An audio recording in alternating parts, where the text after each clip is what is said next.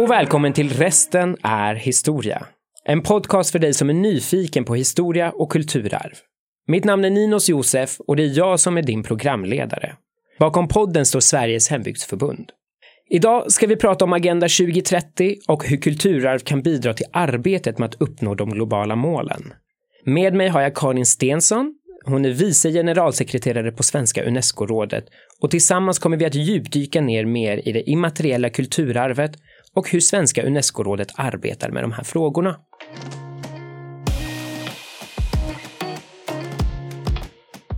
Vi börjar lite så här helt enkelt, Karin. Berätta lite om dig själv och gärna om det Svenska Unesco-rådet helt enkelt och ert arbete.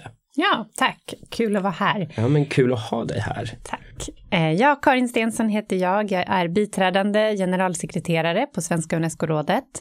Ehm, har en eh, bakgrund främst inom mänskliga rättigheter och internationella relationer och har jobbat också länge med kulturfrågor på olika sätt. Svenska Unescorådet är eh, Sveriges nationalkommission till Unesco. Det står i Unescos stadga att alla länder måste ha en nationalkommission och eh, vårt eh, lilla kansli är då en kommitté under utbildningsdepartementet som är Sveriges nationalkommission till Unesco. Och Unesco är FNs organ för utbildning, kultur, vetenskap och kommunikation. Okej, spännande. Eh, berätta lite mer, vad exakt gör Unesco? Unesco jobbar, eh, man brukar säga att Unesco är en normativ organisation. Det är alltså inte en av de här stora biståndsaktörerna som man hör om som Unicef och UNDP. Unesco har inte en massa verksamhet, eh, bygger inte skolor, delar inte ut mat eller vaccin. Utan eh, man har ett annat uppdrag och det är att jobba normativt. Man vill samarbeta med regeringar och myndigheter och civilsamhälle i utvecklingsländer men även i eh, länder som Sverige och eh, samarbeta med regeringar för att införa till exempel regler för, det kan vara allt då från kulturarv till skydd av journalister till rätten att för alla barn att gå i skolan. Det kan ha med detaljer att göra som hur man utvecklar ett system för, ja, inom utbildning kan det vara i stort sett vad som helst inom skolor. Eh, inom kulturen så grundas det i ett antal konventioner som medlemsstaterna, då länderna, får ratificera, vilket betyder att man åtar sig att uppfylla konventionerna. Och eh, inom kulturarv så är den mest kända världsarvskonventionen från 1972. Och i den så åtar sig länderna att eh, skydda de eh, världsarv man har i, i sina länder. Och det gör också att man får nominera nya världsarv till Unesco. Men det finns fler konventioner, vi kommer komma in på fler mm, tror jag. Mm. Spännande. Jag tänker att vi börjar helt enkelt i, i grunden av det hela, där du förklarar gärna lite, vad är skillnaden mellan kulturarv, immateriellt kulturarv och världsarv? Ja, Kulturarv är ju en väldigt bred definition. Det är ju det som, eh, det kan vara platser, det kan vara föremål, det kan vara traditioner. Det är någonting som man själv kan definiera. Det är ingen juridisk term. Det är Förståelsen för vad som har hänt, för hur våra värld ser ut, det mesta kan egentligen vara kulturarv. Världsarv däremot, det är exakt de platserna som Unesco har beslutat ska vara världsarv, World Heritage Sites. I Sverige har vi 15 stycken. Ehm, det finns eh, över tusen i, i hela världen. Det blir fler och fler. Eh, varje år beslutas det att lägga till några fler. Och de här ska ha ett särskilt unikt universellt värde för hela mänskligheten. Så det är stora ord. Det ska vara platser, natur, kulturarv eller kombinerade natur och kulturarv som hela mänskligheten på något vis har fått gagn av. Att man kan se att de här platserna bidrar till någonting större än oss själva. Det är byggnader, såsom Drottningholms slott eller mm, Eiffeltornet. Det är eh, naturplatser. I Sverige har vi bland annat södra Ölands odlingslandskap, så det är ett rent naturarv. Även Laponia som är ett av de få i världen kombinerade natur och kulturarv. Det är både den fantastiska naturen i Laponia, men även kulturen där, där eh, renskötsel och den samiska kulturen är en väldigt stor och viktig del. Immateriellt kulturarv det är inte platser. Immateriellt betyder ju då att man inte kan ta på det. Så det är seder och bruk, traditioner, det kan vara allt från danser till musik till olika former av traditioner. Det här finns också ett internationellt samarbete kring. Det är mycket nyare. Världsarvskonventionen har funnits sedan 1972 medan ehm, det immateriella kulturarvet blev en del av det här multilaterala internationella kulturarbetet först 2003. Och det uppkom för att många länder inom Unesco kände att det är vissa länder som har väldigt mycket kulturarv som är det fasta kulturarvet. Italien och Grekland, det vimlar av kyrkor och ruiner som skulle kunna föras upp på världsarvslistan. Medan det finns andra länder som också har en massa kulturarv, fast kulturarv, men man har också väldigt, väldigt viktiga traditioner som är lika viktiga som de här platserna. Därför skapade man ett lite likt men ett annat system för det. Och där finns det en representativ lista med eh, element av immateriellt kulturarv. Så det ska inte vara en lista över det här är de bästa eller de mest unika immateriella kulturarven i världen, utan det ska vara det här är exempel. En sån här mångfald finns det i världen. Och det bygger på att varje land som har anslutit sig till den här konventionen då från 2003 börjar med att göra en nationell förteckning över immateriellt kulturarv. I Sverige heter den Levande traditioner. Det är Institutet för språk och folkminnen som har den. Mm.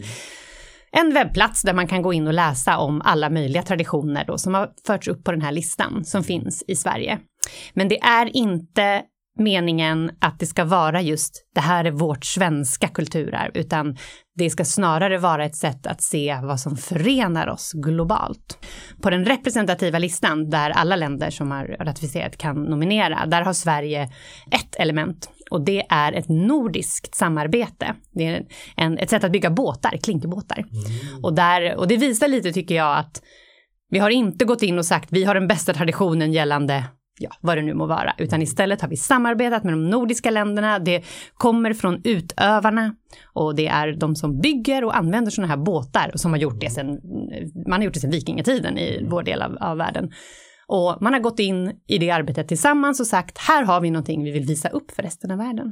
Det finns också ett samarbete som rör metoder. Det finns metoder som också kan föras upp på en annan lista inom Unesco, där man visar hur man kan arbeta med immateriellt kulturarv och inte just vad. Och där har, har Sverige bland annat en tradition kring sago, eh, sagoberättande, sagobygden i Småland. Kul, det är väldigt, väldigt intressant och väldigt brett. Det är många listor som du nämner. Jag tänker, vem, vem och vilka är det egentligen som sitter då och ja, dels tar fram riktlinjerna men också bestämmer vad som ska hamna på de här listorna? Och hur jobbar man till exempel för att det faktiskt ska bli så mångfacetterat som möjligt? Mm. Det är en jätte, jätteviktig fråga. De här konventionerna styrs av mellanstatliga kommittéer mm. där länderna som har ratificerat dem kan kandidera.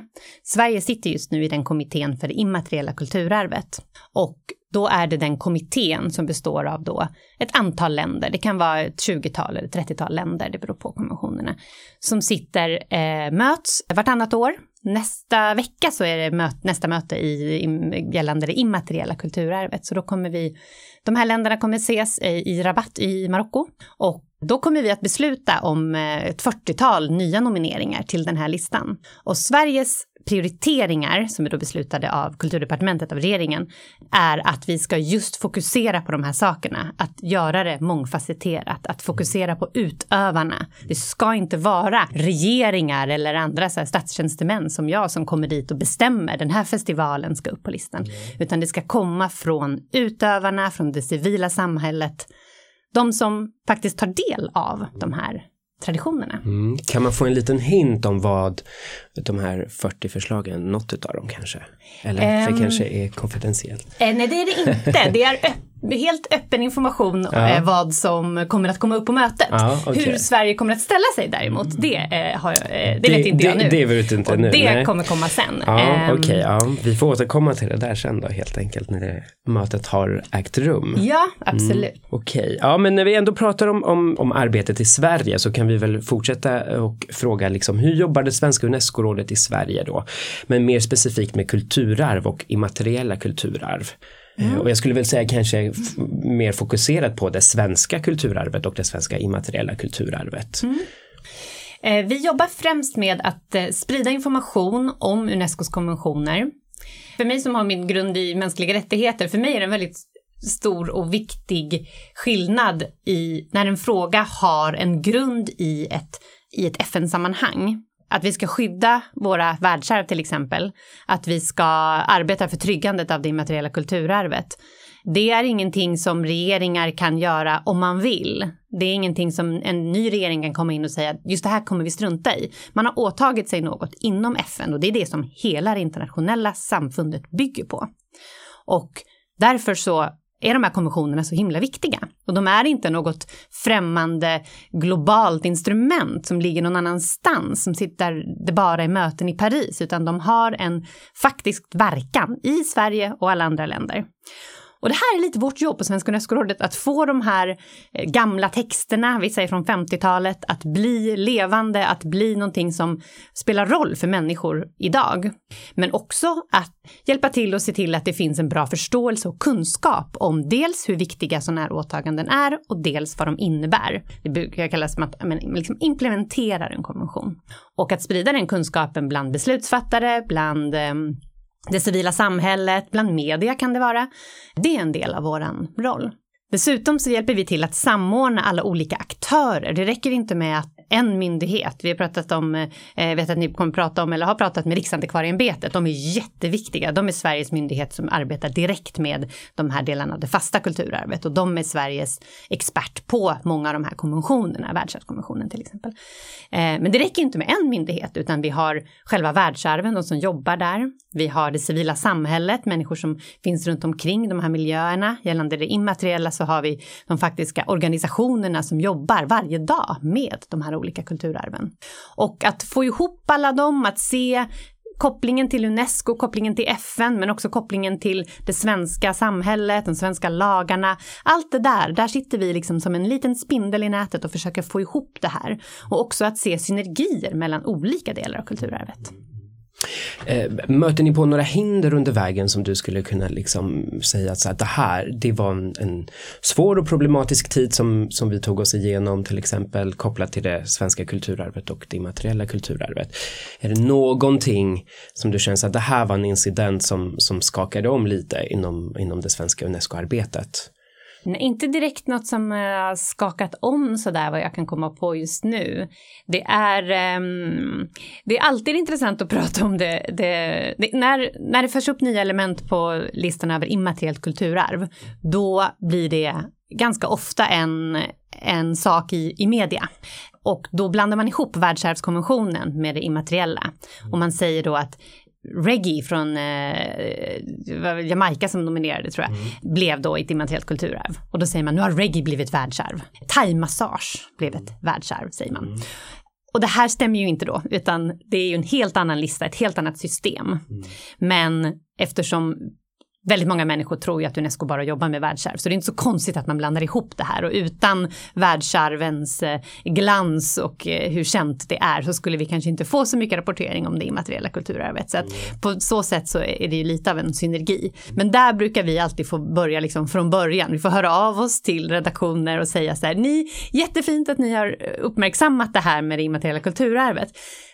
Dock så, så har ni lite missuppfattat och vi tror vi jobbar ju med fri media, vi skulle ju aldrig ringa och säga att ni får inte skriva så här, ni har gjort fel. Men vi försöker liksom förklara och det som är så intressant då är att väldigt ofta möts vi av så här, jaha, det här, det här var intressant, kan inte ni komma hit och prata om det? Så att det som börjar i liksom en liten missförstånd kommer sen tillbaks och blir någonting väldigt positivt för oss. Då får vi möjlighet att berätta om det immateriella kulturarvet. Okej, okay, ja. Vi, vi fortsätter lite inne på det, på det svenska spåret. Jag tänker att, att Sverige har ju en historia av kolonialism. Hur har det påverkat ert arbete och hur mycket har man behövt att fokusera på och kanske liksom dekolonisera det svenska kulturarvet? Det är ingen fråga vi jobbar med eh, direkt. Det finns ju flera pågående processer som vi, där vi inte är särskilt mycket inblandade, men där Unesco kan ge råd gällande att lämna tillbaka kulturföremål. Mm. Det här gäller ju främst länder som Storbritannien och Frankrike. Men vi har även flera sådana fall i Sverige. Man mm. lämnade tillbaka ett hjorthuvud till Mexiko här förra mm. året. Eh, man har lämnat tillbaka, världskulturmuseerna är de som är experter på det här.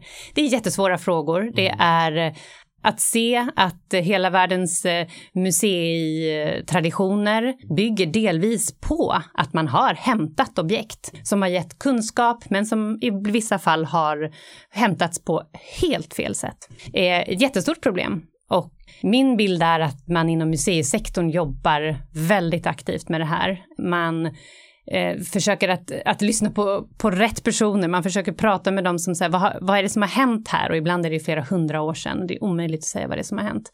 Men det är en väldigt viktig fråga och eh, det understryker lite det här tycker jag att här, kulturarvet tillhör oss alla. Och eh, på det viset man har eh, tänkt tidigare har varit lite att ja, men det, det viktigaste är att vi kan visa upp något här om hur man har det någon annanstans. Och nu tror jag att det börjar födas en förståelse om att nej, det kanske inte alltid är bästa sättet att eh, visa upp något statiskt på ett museum. Samtidigt så, så vill ju jag gärna att man ska ha möjlighet att kunna uppleva saker från andra traditioner och andra kulturer utan att behöva resa jorden runt. Men det är ett jättesvårt problem och där, jag tror, där vi alla, där, där behövs verkligen en mångfald av röster som kan mm. ge olika lösningar på det här och olika förslag på lösningar. Tänker att det är väl också någonting som antagligen kommer förändras med tid i och med digitalisering och, och hela den globala rörelsen och globaliseringen också. Mm. Eh, men, men det får framtiden avgöra helt enkelt. Eh, vi hoppar vidare och jag undrar lite så här, hur slås det fast vad som är kulturarv, immateriellt kulturarv respektive världsarv och i det här arbetet då också, vilken roll har Unesco här? Unesco kan aldrig bestämma vad som är kulturarv. Det är, det är någonting som är, varje människa får identifiera och välja tycker jag. Världsarv, eh, det är Unesco som bestämmer vilka platser som är världsarv. Man kan inte hitta på och säga Stadshuset i Stockholm i all sin prakt, det är inte ett världsarv för det har inte beslutats av kommittén. Däremot har Drottningholm det, så där är det ju väldigt tydlig eh, juridisk skillnad. Eh, det immateriella kulturarvet är en liten blandning. Den här listan som finns inom Unesco är exempel på immateriellt kulturarv. Och därför så är det inte det specifika, det är ju ingen sak. Utan där är det lite luddigare. Men att ha tagits upp på den representativa listan, det är ju ett sätt att visa hela världen det här finns i vår region eller det här finns, eh, det här är så här pass utbrett. Det finns vissa sådana här traditioner, till exempel de tre baltiska länderna nominerade tillsammans sin, sin körtradition. Man ser det finns så många likheter att man kan visa det. Och då kan man säga att den baltiska körtraditionen finns på Unescos lista över det immateriella kulturarvet.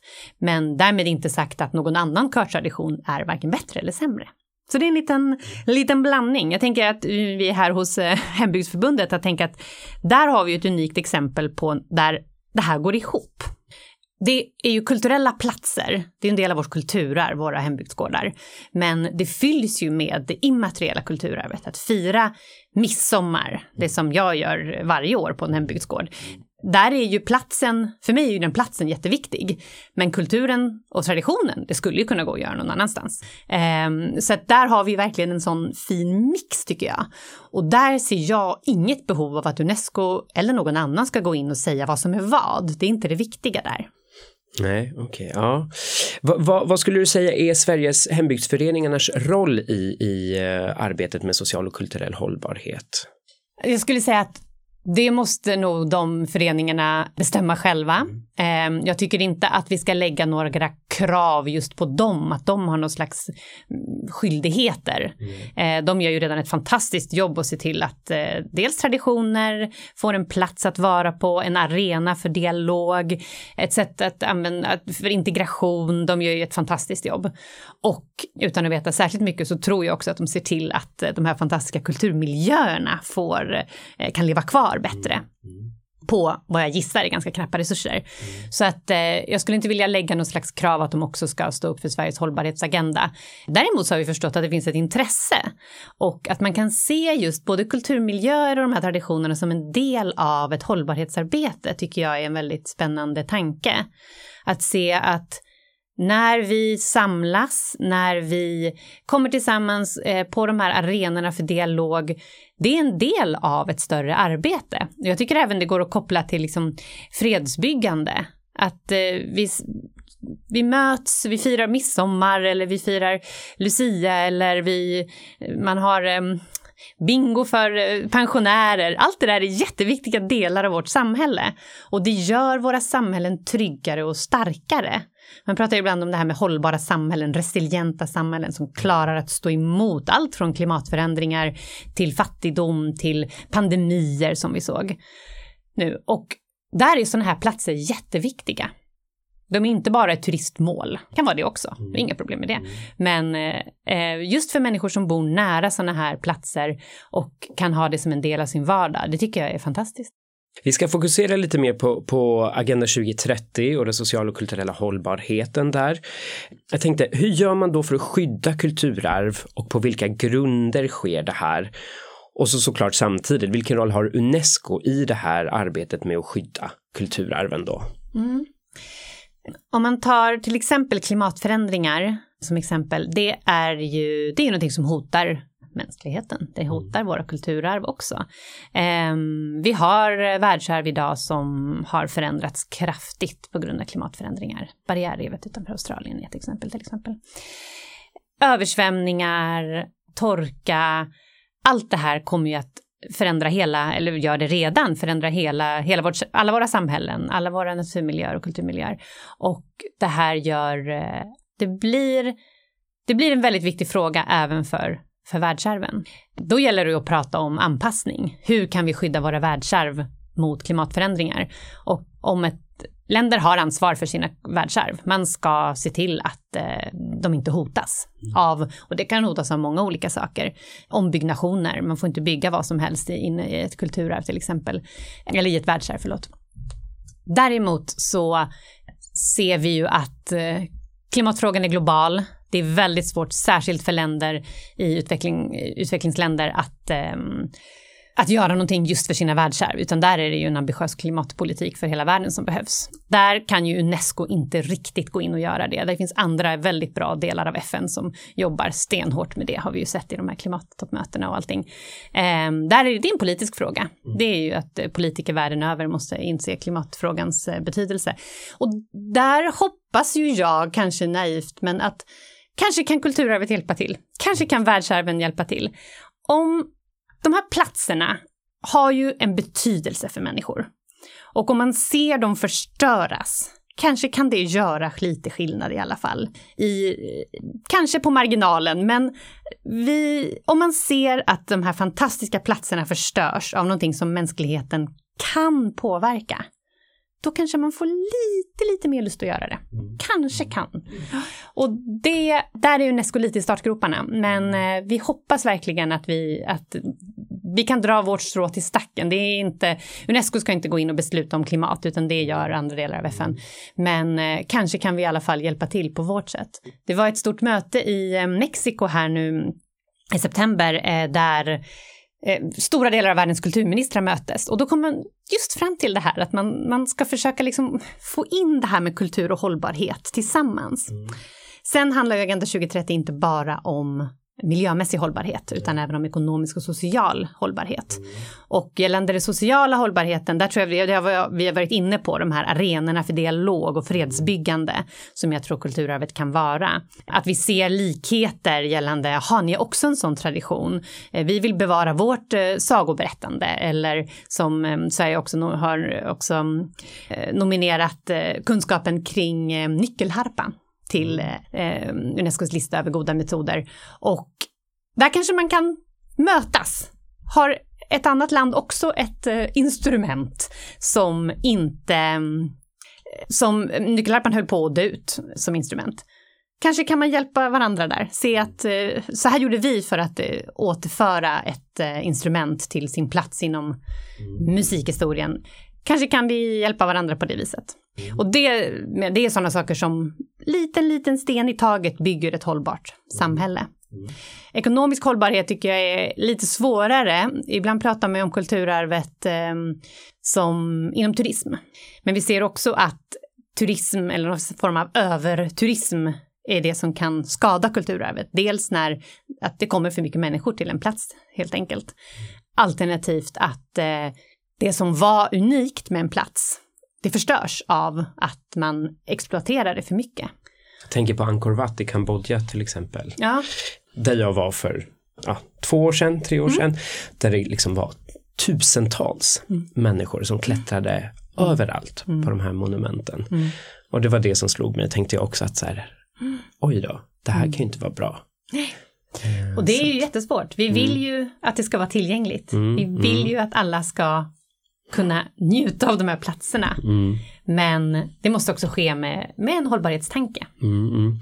Och när vi ändå är inne på, på det här med hållbarhetstankar, jag ska ge dig ett litet scenario, ett litet imaginary scenario då. Vi kan låtsas att det är 2040 och klimatförändringarna de är så pass påtagliga att Stonehenge är typ, ham, håller på att hamna under vatten och behöver räddas. Till vilket pris ska man då försöka rädda ett sånt här ja, jag skulle vilja säga att det är ett världsarv, men, men jag kan ju ha fel. Men, men jag skulle nog påstå att eh, det kan komma i alla fall kanske i framtiden att räknas som ett världsarv. Men, men, jag tror det är ett världsarv. Ja. Nej, jag har inte, inte Nej, men, men, då kan vi ju säga att det är det. Mm. men då Stonehenge, jag tänker om man då också ska ha något slags klimattänk i, i åtanke och också det sociala men också det, det ekonomiska hållbarheten. Till vilket pris ska man då skydda ett sånt här världsarv och hur mycket kan man kompromissa på eh, miljöaspekten, den sociala aspekten och den ekonomiska aspekten för att faktiskt rädda ett världsarv? Mm. Intressant fråga. Jag tror ju att de metoder som ja, i det här fiktiva scenariot skulle rädda Stonehenge kommer vara ungefär samma metoder som krävs för att rädda till exempel samhällena runt omkring, arbetstillfällen runt omkring. Så att jag tror att, att det måste vara en del av någonting större. Det kanske finns exempel där man skulle gå in och rädda ett världsarv specifikt och då tror jag det mycket handlar om resurser, var det ligger och vad det finns för resurser runt omkring. Och det kan säkert finnas eh, stora intressen av att gå in och, och rädda ett världsarv. Men om man, är, om man är premiärminister i Storbritannien när det här händer så tror jag att då, då, har man ju red, då är man ju redan i en krissituation mm. om, om vattnet har nått Stonehenge. Så att då eh, tror jag att det är samma metoder som mm. vi vill för att rädda allt annat. Och det är väl lite så man måste se på det, att mm. vi måste rädda mänskligheten, djur och natur, byggnader och där kommer kulturarvet med in i samma, mm, kan jag tänka mig. Ja. Vilken koppling finns det mellan bevarande av kultur och kulturarv och också fredsarbete? Jag tänker liksom, vad ser ni för kopplingar mellan kulturarvet och en hållbar samhällsutveckling? Mm. Ett väldigt, ett väldigt konkret, en väldigt konkret fråga där är ju att vi vet att krigsförande stater eller organisationer, rörelser, de, de ger sig på det som betyder någonting för människor. Ja, man, man ger sig på till exempel kulturarvet. Talibanerna sprängde buddhastatyerna i Afghanistan. Det är, man ger sig på det som människor älskar, men också de här viktiga platserna. Alltså är ju förstörelse av kulturarv i krig eller konflikter eller inom terrorism som vi också har sett. Det är ju ett, det kan ses som ett brott mot, mot mänskligheten enligt krigets lagar. Det är ett brott mot i alla fall någon form av, av, av själ, någon form av mänsklighetens själ. Det gör ju ont när man läser om Timbuktu, att, bli, att det blir förstört, Palmyra. Alltså det, det gör ju ont när man läser om det här. Så på så vis så, så är jag glad att juridiken håller på att hinna ikapp det där att hur, och undersöker hur det kan ses som krigsbrott. Man är ute efter att förstöra historien och även nutiden och framtiden. Och det här, på så vis så tycker jag att förstörelse av kulturarv är en, en del av just att arbeta mot det är ett fredsarbete. Och om man ska se det på den positiva sidan så tror jag att internationellt samarbete det är en av de få sakerna som kan förhindra krig och konflikter. Och eh, om människor kan mötas på olika sätt där är ju kulturen ett fantastiskt eh, redskap. Idrott ett annat. Det är de här rörelserna där många människor är involverade, där man hittar någonting som betyder någonting för en. Det, det måste kunna skapa mer fred. Mm. Annars tror jag vi är förlorade. Mm. Är det någonting som tar upp mer utav ert arbete eller eran tid just nu. Jag tänker om man ska dra en parallell till det som sker eh, i Ukraina till exempel, men vi har ju också det som sker i Afghanistan. Det som sker i Palmyra är ju inte allt för länge sedan, det är liksom knappt ett decennium. Är det någonting som på senare tid har blivit ett ett större och omfattande arbete inom Unesco eller har det liksom egentligen under, under hela tiden faktiskt fortsatt vara ganska högt prioriterat? Eh, jag skulle säga att det har varit högt prioriterat och påtagligt, tyvärr, under alla år som, som Unesco har arbetat med de här frågorna, för att det har pågått under alla de här åren. Sen är det mer närvarande för oss i Sverige just nu med anledning av kriget, eh, Rysslands krig mot Ukraina. Och att ett land som är, eh, som, ett land som Ryssland som sitter i FNs säkerhetsråd går in i ett grannland på det här viset. Det gör att, att vi, vi skakas om lite inom det multilaterala samarbetet. Och när man då dessutom, vad vi kan se från Unescos eh, arbete, har förstört kyrkor och annat. Inga världsarv, i nuläget i alla fall, har blivit förstörda i Ukraina. Men eh, vi vet inte var det här kommer sluta och när man ser när även skolor och sjukhus attackeras så är det ju självklart att även kyrkor kommer att attackeras och, och museer. Vi, det blir en del av allt det här att man, man ger sig på allt, alla delar av ett, av ett samhälle för att man just vill förstöra ett samhälle. Och därför har det blivit mer påtagligt eh, för oss. Och där ser, tycker jag att det finns fantastiska initiativ i Sverige och många andra länder. Dels att ordna skolgång för ukrainska barn, men om man håller sig till kulturen så ser vi det finns um, orkestrar och um, dansensembler och sånt som har kommit till andra länder från Ukraina och uppträder här. Och det är ju som ett sätt att säga att kulturen överlever. Vi alla hjälps åt. Konstnärer kan komma på i olika fristadsprogram från olika länder till olika länder, eh, inte bara i just den här konflikten. Och även ryska konstnärer som motsätter sig kriget har ju också en, en viktig roll och journalister, inte att förglömma. Vi ska ta en, en, en till sån här liten fiktiv mm. Eh, eh, situation och eh, även om det känns väldigt långt bort så har vi ändå blivit varnade för att det möjligtvis inte skulle vara jättelångt bort i att Sverige skulle bli inblandat på något sätt i ett krig framåt. Hur rustade är Sverige då för att både trygga, bevara och förvara det svenska kulturarvet och kulturföremålen? I och med en sån situation, om, om det skulle uppstå? Hur, hur, hur ser det förebyggande arbetet ut? Är vi förberedda på det till exempel? Ehm, det är ju andra aktörer som jobbar med just det. Det är inte Svenska Unesco-rådet. Men eh, vi ser ju att eh, just eh, Rysslands krig mot Ukraina har blivit lite av en väckarklocka. Att man arbetar mer med någon form av system där man kan se, märka kulturarv, till exempel kulturarvsbyggnader. Och det det är ju någonting som, som man måste göra innan. Det måste vara, som du säger, en del av det förebyggande arbetet. Och det är väl sådana saker som man kanske måste tänka på, både för konflikter men även för klimatförändringar och annat och se vad, vad är det för platser som vi, eh, som vi vill skydda. Sen finns det ju ett stort arbete redan om man tänker med rivningar och liknande, att det finns eh, kulturskyddade bostäder, byggnader, kulturskyddade byggnader. Där tror jag att vi vi är ganska rustade för, vi vet vilka, vilka byggnader som är vad i Sverige. Mm, Okej, okay, ja.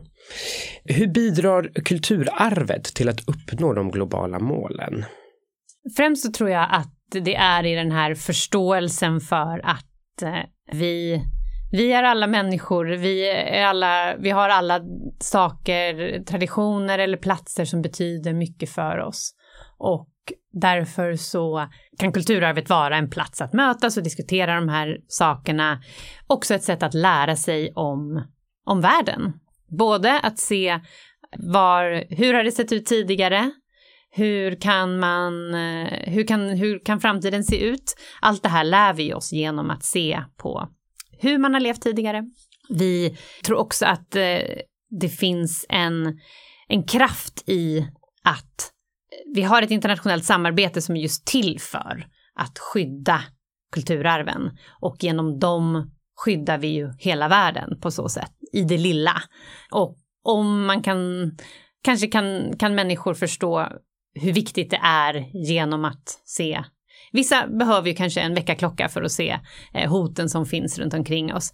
Och eh, inte sällan kanske det behöver komma nära. Och om man förstår att någonting väldigt nära eh, ens hjärta håller på att förstöras så kanske man är mer beredd att arbeta för att det ska bevaras och därmed arbeta för en hållbar, mer hållbar värld. Mm. Det globala samfundet har ju alltid haft mål för utvecklingen liksom i världen. Och jag tänker om vi ska fokusera på Agenda 2030 och de målen som finns kopplade till social och kulturell hållbarhet. Är det någonting som du känner att så här, det här målet eller den här riktlinjen som man då implementerade eller vill implementera i samband med Agenda 2030? Är det något som du känner så här, det här, det är superviktigt och äntligen liksom att det tas upp eller att det, det förankras? Agenda 2030 är ju så extremt övergripande och så brett. Kulturen har inte en stor plats i Agenda 2030. Mål 11.4 tar upp för just kultur och naturarv. De indikatorerna som hör till det målet är, är ganska snäva. Det handlar mycket om hur mycket pengar lägger man på natur och kulturarv. Ett land som Sverige uppfyller det direkt för att vi har olika förordningar och annat. Vi har en hel myndighet eh, som ansvarar för de här sakerna. Det säger egentligen inget om kvaliteten i skyddandet av kulturarvet. Mål 4.7 under utbildningsmålet 4 tar upp utbildning eh, för hållbar utveckling och där nämns också kulturell mångfald. Det är ju ungefär de ställena där Agenda 2030 nämns konkret. Mm. Sen om man läser i stort och om man tittar på arbetet som bland annat Unesco har tagit fram eh, med att ta fram indikatorer för kultur, då kan man se att, att kultur är en, en fantastisk möjliggörare för de andra målen. Men eh, vi som jobbar med kulturfrågor skulle ju förstås gärna se en starkare fokus på kultur inom hållbarhetsarbetet. Men eh, och jag som eh, med grund i mänskliga rättigheter skulle ju även se en mer, gärna se en mer rättighetsbaserad agenda. Agenda 2030 hade, i min uppfattning, hade egentligen inte behövts om alla länder bara hade uppfyllt sina, sina åtaganden inom de konventioner som finns inom mänskliga rättigheter, mm. men också inom kulturarvet. Det är, just, det är omöjligt att uppfylla alla dem förstås, för, särskilt för länder i svåra ekonomiska situationer eller konflikter. Mm. Men eh, om vi börjar där så tror jag att vi skulle komma väldigt långt. Mm. Så att jag är, är lite skeptisk till att ständigt ta fram nya agendor och nya förslag på olika typer av överenskommelser. Mm. Fokusera på de vi har istället. De är kanske gamla och gammeldagsa, men de tar upp de grundläggande åtagandena som varje stat har eller bör ha för en hållbar värld. Mm. Tror du att digitaliseringen kan komma in som ett bra verktyg i, i, i liksom målet med att uppnå Agenda 2030, då, de globala målen? Det kanske det kan. Vissa typer av kulturarv, eh, om man ser på dokumentarv och arkiv till exempel, som Unesco också har ett program för, världsminnesprogrammet. Där är ju sånt givetvis jätteviktigt. Eh, där är väl ett exempel på hur eh, olika förutsättningar länder har. Eh, här kan vi i Sverige kan sitta och diskutera hur, hur det bästa sättet vi digitaliserar eh, enorma arkiv medan man i andra länder ser eh, plundring av sina museer. Så att här har ju vi en, en väldigt bra sits så att säga. Men det finns ju ett enorm, en enorm eh, utmaning i att digitalisera mm. kulturarvet. Mm. Vad skulle du säga är det viktigaste arbetet då kopplat till, till eh, kulturarv då för att kunna nå målen, de globala målen i Agenda 2030? Men jag tror att det är det här att vi att se, att se världen i sin, i sin komplexitet. Att se hur många, hur många möjligheter vi har att jobba tillsammans eh, inom kultur men också inom andra, andra frågor. Och att, att se det som en helhet man kommer inte så jättelångt om man bara fokuserar på en sak, utan det gäller att se det här tillsammans. Och därför, det är väldigt bra, om jag tog upp det negativa med Agenda 2030 innan, så det är bra, det är ju att det ger en, det blir som en global folkrörelse. Mm. Och det är ju någonting som, som eh, går väldigt fint in i liksom FN-tanken. Mm. Att hela världen ska jobba för samma mål. Ja, de är många, ja, de är komplexa och ja, de uppfyller väl inte allting. Men det är det vi har och vi måste jobba vidare på det. Så att jag skulle snarare säga att det är det, helheten, snarare än att gå in på, på specifika saker. Och om jag skulle då koppla, koppla Agenda 20 då och fokuset på, på kulturarv till eh, målet med social hållbarhet då. Om vi ska ta ett exempel på globaliseringen och de strömmar av människor som pågår just nu och har pågått skulle jag säga i alla fall de senaste 20 åren i, i världen, säkerligen innan det också, före min tid. Men hur tror du att det påverkar arbetet för att uppnå de globala målen? Försvårar det? Blir det enklare? Gällande frågor som eh, trygghetssystem och sånt i, i länder som Sverige och gällande frågor som kanske utbildning och bostäder och annat, eh, särskilt i de länder som ligger nära konflikthärdar där man mm. ser eh, stor eh, migration. Där kan det ju bli ännu mer utmanande. Mm. Men på sikt så, så tror jag att migration är någonting absolut positivt. Att vi att vi, alla, att vi alla delar på det jordklot vi har. Det tycker jag är på något vis är självklart. Och vi ser ju att många av de största kulturarbetarna i hela, hela världen, hela historien, de har inte hållit sig på en plats. De har rest, eh, de har tagit in sagor och influenser från alla möjliga håll. Och kulturen är levande det är inte svenskar som har byggt allting som finns i det svenska kulturarvet, utan det, är, det bygger på ett samarbete över hela världen. Det bygger på att människor rör på sig, att människor har viljor och önskemål och drömmar. Sen är det klart att det finns en massa utmaningar med det också, men det finns det med allt annat också. Och eh, där hoppas jag att kulturen kan vara någonting som förenar oss och där vi kan se likheter och också lära oss av, av varandra. Men vi ska hoppa över till den sista frågan då. Och jag tänkte fråga då, enligt dig, vad är det viktigaste som kulturarvet bidrar till i samhället? Jag tror att det bidrar till en, en känsla av oss alla om vad som förenar oss, om eh, vad det betyder att vara människa, vilka otroliga framsteg som har skett genom historien, civilisationer som har gått under, civilisationer som har kommit fram, samarbeten som har skett. Allt det här gör ju oss alla till, till människor och det är en del av vår gemensamma historia globalt. Och den, den känslan tror jag är en, en bra känsla. Också att se att det inte är statiskt, utan det är någonting som förändras hela tiden och det är någonting som förenar oss över alla kulturella gränser och, och alla andra typer av gränser. Det var allt för avsnitt två.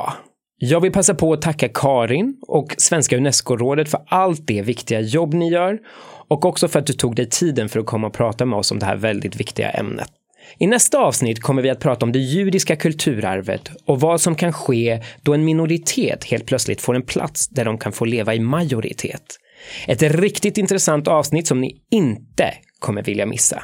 Glöm inte att prenumerera på Resten är historia så att du håller dig uppdaterad till när nästa avsnitt kommer ut. Och tills dess ses vi igen.